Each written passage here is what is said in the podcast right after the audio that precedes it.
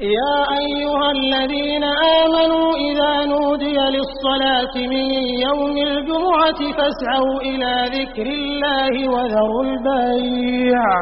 ذلكم خير لكم إن كنتم تعلمون. إن الحمد لله نحمده ونستعينه ونستغفره ونعوذ بالله من شرور أنفسنا وسيئات أعمالنا.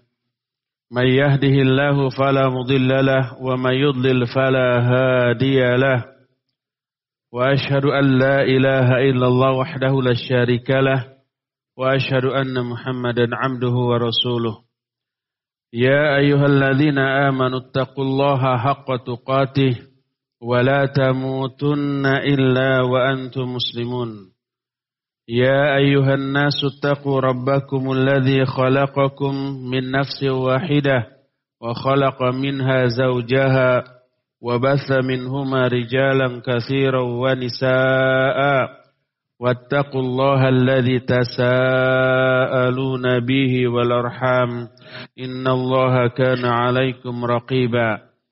يا أيها الذين آمنوا اتقوا الله وقولوا قولا سديدا. يصلح لكم أعمالكم ويغفر لكم ذنوبكم ومن يطع الله ورسوله فقد فاز فوزا عظيما. أما بعد فإن أصدق الحديث كتاب الله وخير الهدي هدي محمد صلى الله عليه وآله وسلم وشر الأمور محدثاتها. وكل محدثة بدعة وكل بدعة ضلالة وكل ضلالة في النار قال الله تعالى في كتابه الكريم أعوذ بالله السميع العليم من الشيطان الرجيم ولقد عهدنا إلى آدم من قبل فنسي ولم نجد له عزما Hadirin sidang Jumat yang berbahagia, di Jumat yang lalu kita sudah menerangkan sumpahnya iblis, sumpahnya iblis di dalam menyesatkan manusia. Karena itulah kita harus mempelajari bagaimana cara setan, iblis menggoda manusia untuk menjerumuskan manusia ke dalam murka dan azab Allah. Kita mempelajarinya agar kita bisa mengantisipasi secara benar. Sebelum kita berbicara tentang sejarah awal permusuhan iblis dan manusia, terlebih dahulu kita akan membahas makna asal dari manusia dan setan. Dalam bahasa Arab manusia disebut dengan sebutan insan. Ada beberapa penjelasan para ahli bahasa tentang makna insan. Pertama, para ulama ahli bahasa dari Basrah menyatakan bahwa insan berkata berasal dari kata al-ins, dari kata anasa. Makna anasa adalah menyendiri. Itu disebabkan karena awal mula manusia diciptakan, yaitu Adam alaihissalatu wassalam, dia menyendiri. Lalu dia kesepian karena tidak memiliki kawan. Lalu dari tulang rusuknya diciptakanlah Hawa. Sehingga dia memiliki kawan. Karena asal mula Adam turun menyendiri, maka disebutlah dengan sebutan insan karena dia adalah makhluk yang sendirian di awal penciptaan dia sebagai manusia. Ini makna yang pertama. Makna yang kedua, kalangan ahli bahasa dari Kufah menyatakan insan berasal dari kata nisyan. Arti dari nisyan adalah lupa, lalai. Dan ini disebabkan karena kelupaan Adam terhadap sesuatu. Allah Azza wa Jalla berfirman dalam surah Toha ayat 115 Walaqad ahidna ila Adam min qabl fanasiya falam najid lahu azma. Kata Allah Subhanahu wa taala, kami telah memberikan ketetapan kepada Adam sebelumnya. Tapi ternyata Adam ini lupa dan kami tidak menemukan kemauan yang kuat pada diri Adam. Apakah yang dimaksud dengan ketetapan Allah untuk Adam? Allah menetapkan bahwa Adam akan hidup selama seribu tahun. Setelah seribu tahun barulah wafat. Ketika suatu saat Adam meminta kepada Allah agar diperlihatkan nasib dan umur anak-anak turunannya kelak sampai hari kiamat. Diperlihatkanlah dan usia manusia anak turunan Adam berbeda-beda. Ada yang lebih dari seribu tahun, ada yang ratusan tahun. Semakin dekat kepada hari kiamat, usia manusia semakin pendek. Ketika salah satu di antara anak turunannya menjadi nabi dan nabi ini, satu nabi ini umurnya pendek yaitu Nabi Daud. Hanya 60 tahun. Maka Adam merasa iba. Lalu minta kepada Allah agar Allah mengambil 40 tahun dari jatah hidupnya diberikan kepada Daud. Akhirnya Daud menjadi 100 tahun dan Adam berkurang menjadi 960 tahun. Ketika tiba usia Adam 960 tahun dan tiba masa ajalnya, datanglah malakul maut untuk menjemput nyawanya. Adam lupa bahwa 40 tahun sudah diberikan kepada Daud Lalu dia protes, bukankah jatah hidup saya seribu tahun, sekarang masih 960 tahun? Maka Nabi Shallallahu Alaihi Wasallam menyatakan, Fanasia Adam, wanasia zurriyatuhu. Lupalah Adam. Lalu setelah itu anak turunannya pun memiliki sifat lupa. Seperti kita semuanya. Oleh karena itu tidaklah heran apabila manusia itu disebut sebagai tempatnya kelupaan dan kealfaan. Al-insan mahalul khata' wa nisyan. Manusia itu tempatnya lupa dan tempatnya lalai.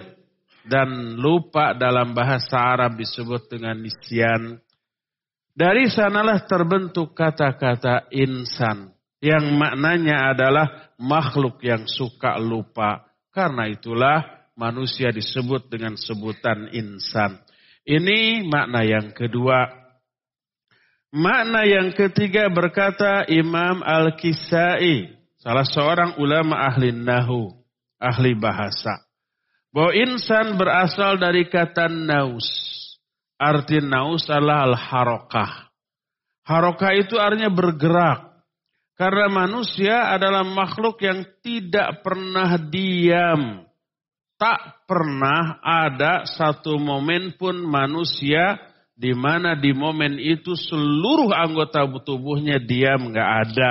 Bahkan ketika tidur manusia ketika tidurnya pun tetap melakukan gerakan, bergerak. Tidak pernah manusia tidur dari awal sampai akhir sampai bangun lagi posisinya tetap begitu, tidak pernah ada. Dalam tidurnya dia bolak-balik badannya. Kadang terlentang, kadang tengkurap, kadang miring ke kanan atau miring ke kiri, kadang ngomong mengigo, kadang bangun ngelindur, dan seterusnya. Tidak pernah diam, selalu, selalu dan selalu bergerak. Maka sesuatu yang terus bergerak itu disebut dengan sebutan naus maka dari sana terbentuk kata-kata insan yang maknanya adalah makhluk yang tidak pernah diam alias selalu bergerak. Itulah makna yang ketiga. Makna yang keempat berkata Imam Al-Azhari ketika menerangkan makna insan. Beliau berkata bahwa insan berasal dari kata inas. Makna inas adalah ibsor. Makna ibsor adalah sesuatu yang terlihat. Manusia disebut insan, artinya suatu makhluk yang terlihat karena real, nyata.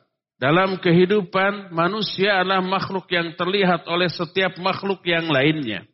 Berbeda dengan jin. Disebut jin karena dia tertutup. Karena dia tidak terlihat. Karena dia terhalang sehingga tidak bisa dilihat. Segala sesuatu yang tertutup tidak terlihat disebut dengan jin. Oleh karena itu bayi yang masih dikandung dalam perut ibu ada, tapi tidak terlihat oleh pandangan manusia, maka bayi itu disebut dengan sebutan janin. Satu akar kata dengan jin. Makanya manusia disebut insan karena terlihat, jin disebut jin karena tidak terlihat. Oleh karena itu, orang yang gila disebut dengan sebutan majnun. Arti majnun adalah orang yang akalnya tertutup, tidak berfungsi, tidak bisa difungsikan sebagaimana mestinya. Seluruh tindakannya, ucapannya di, di luar kontrol akalnya. Akalnya tertutup, tidak berfungsi lagi. Akal yang tertutup disebut dengan sebutan majnun. Bahasa kitanya gila. Kenapa? Karena tertutupnya akal dia oleh sesuatu yang mengganggunya. Jin disebut jin karena dia tersembunyi, tertutup, tidak terlihat. Manusia disebut insan karena dia itu terlihat oleh makhluk-makhluk yang lainnya. Kalau kita perhatikan keempat makna yang terkandung dalam kata-kata insan, Keempat-empatnya memang menjadi sifat yang melekat pada diri manusia. Yang pertama, manusia adalah makhluk yang memang awal diciptakannya menyendiri. Yang kedua, manusia adalah makhluk yang suka lupa. Dan kelupaan ini dianggap lumrah dan wajar bila seseorang mengabaikan kewajiban disebabkan karena lupa tidak berdosa maka tidak dicatat sebagai orang yang berdosa. Nabi SAW menyatakan, Rufi al-qalam an salasin. Bahwa kolam atau pena atau catatan malaikat diangkat dari tiga golongan manusia. Maksud diangkat tidak dituliskan. Siapa tiga golongan manusia ini? Salah satunya adalah wa, an, wa anin nasi hatta yadhkura dari orang yang lupa sampai dia ingat. Sehingga kalau umpamanya seseorang sedang saum, lalu lupa lalu makan, maka makan ketika lupa tidak membatalkan saumnya dan dia tidak berdosa. Kalau seseorang umpamanya lupa terhadap sholat, benar-benar murni lupa, maka sampai waktu sholat habis, setelah waktu sholat habis kemudian dia baru ingat, oh tadi belum sholat, maka wajib dia mengkodok sholatnya walaupun sudah keluar batas waktu dan dia tidak berdosa. Kalau benar-benar murni karena lupa. Begitu juga ketika dia sholat. Di dalam sholatnya dia lupa apa sudah dua rakaat, apa sudah tiga rakaat. Apa tiga rakaat, apa empat rakaat. Apa tadi tahiyat awal ataukah tidak? Benar-benar murni karena lupa, sholatnya tidak batal. Teruskan saja, tapi nanti menjelang salam, dia harus melakukan sujud sahwi dua kali, lalulah bersalam. Karena lupa merupakan tempat manusia berbuat salah, melupa, melupa terhadap sesuatu, maka lupa menjadi sesuatu yang dimaklumi secara syar'i. Oleh karena itulah, maka manusia disifati dengan sifat lupa. Manusia juga disifati dengan sifat yang selalu bergerak. Manusia juga disifati sebagai makhluk yang bisa terlihat oleh makhluk yang lainnya. Oleh karena itulah manusia disebut dengan sebutan insan. Barakallahu liwalakum fil Qur'anil azim. Wa nafa'ni wa iyyakum bima fihi minal ayati wa dzikril hakim wa taqabbalallahu minna minkum tilawatahu innahu huwas samiul alim.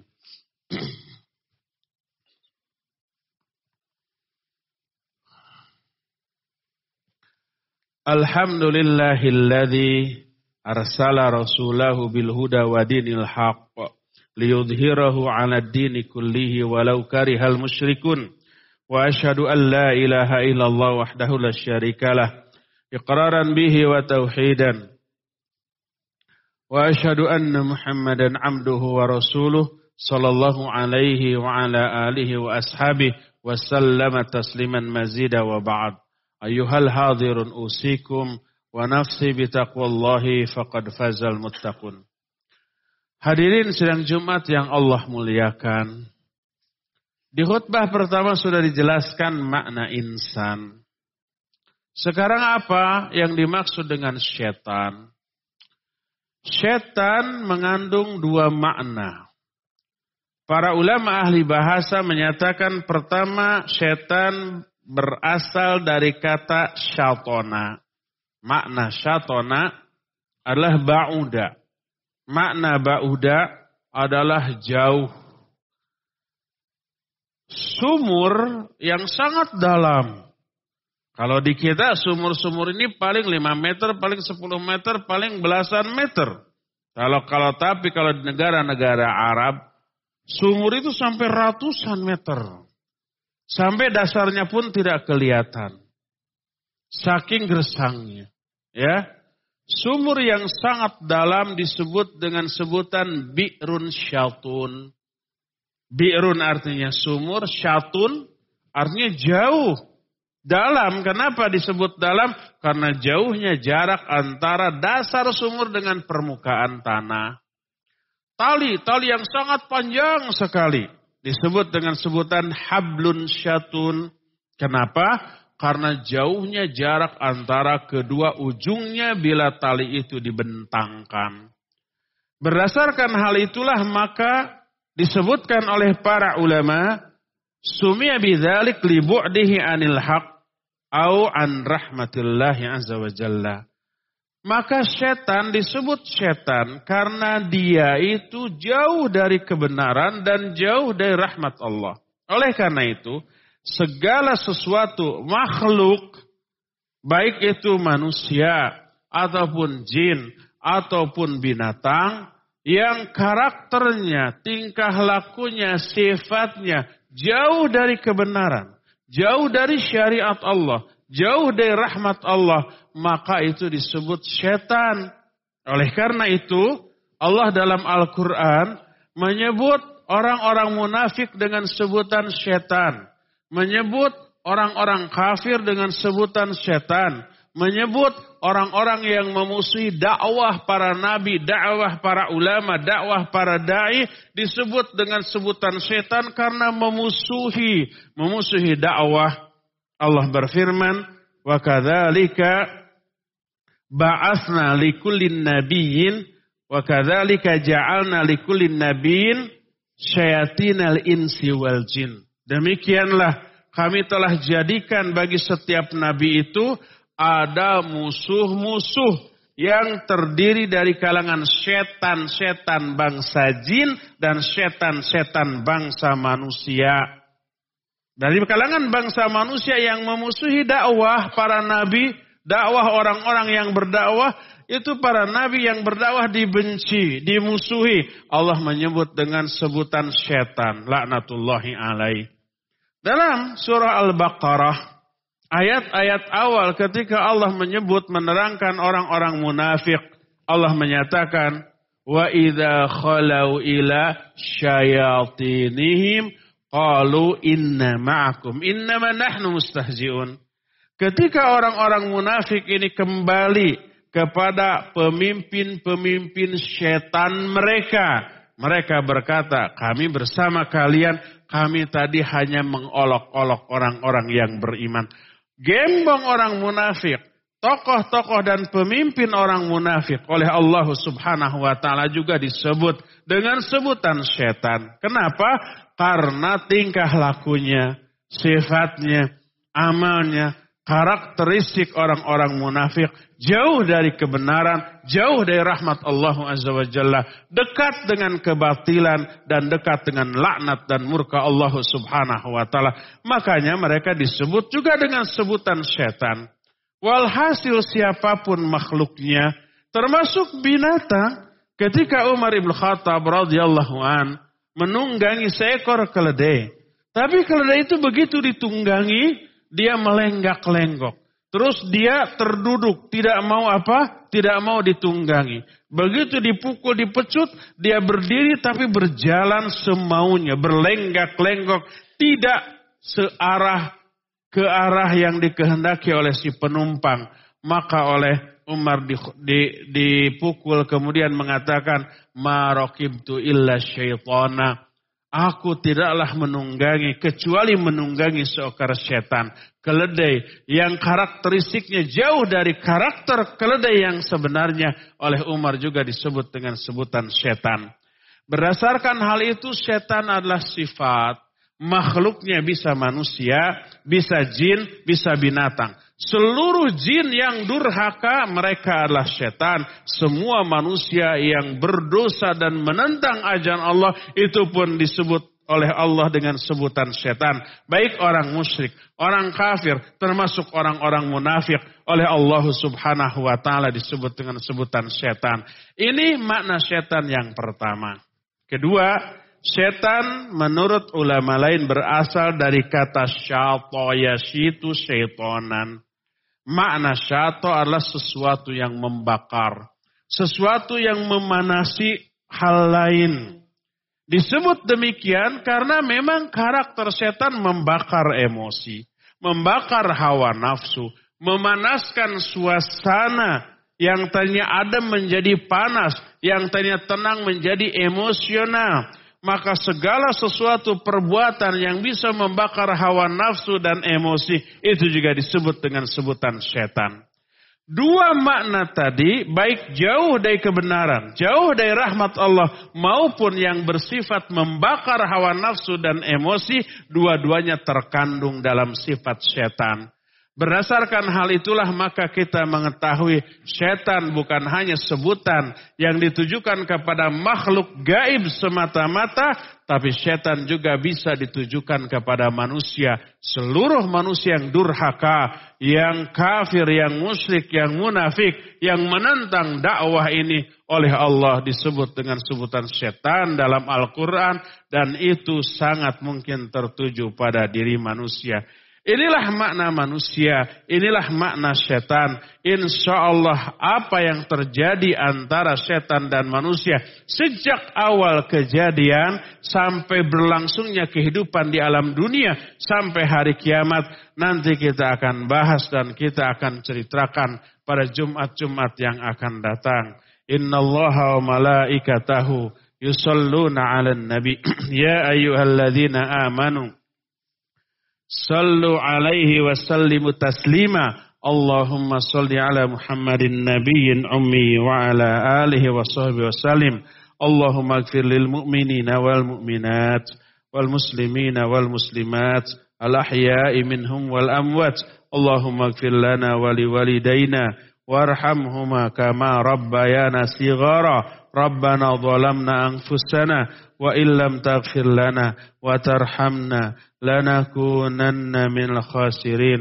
ربنا اغفر لنا ولإخواننا الذين سبقونا بالإيمان ولا تجعل في قلوبنا غلا للذين آمنوا. ربنا إنك رؤوف رحيم.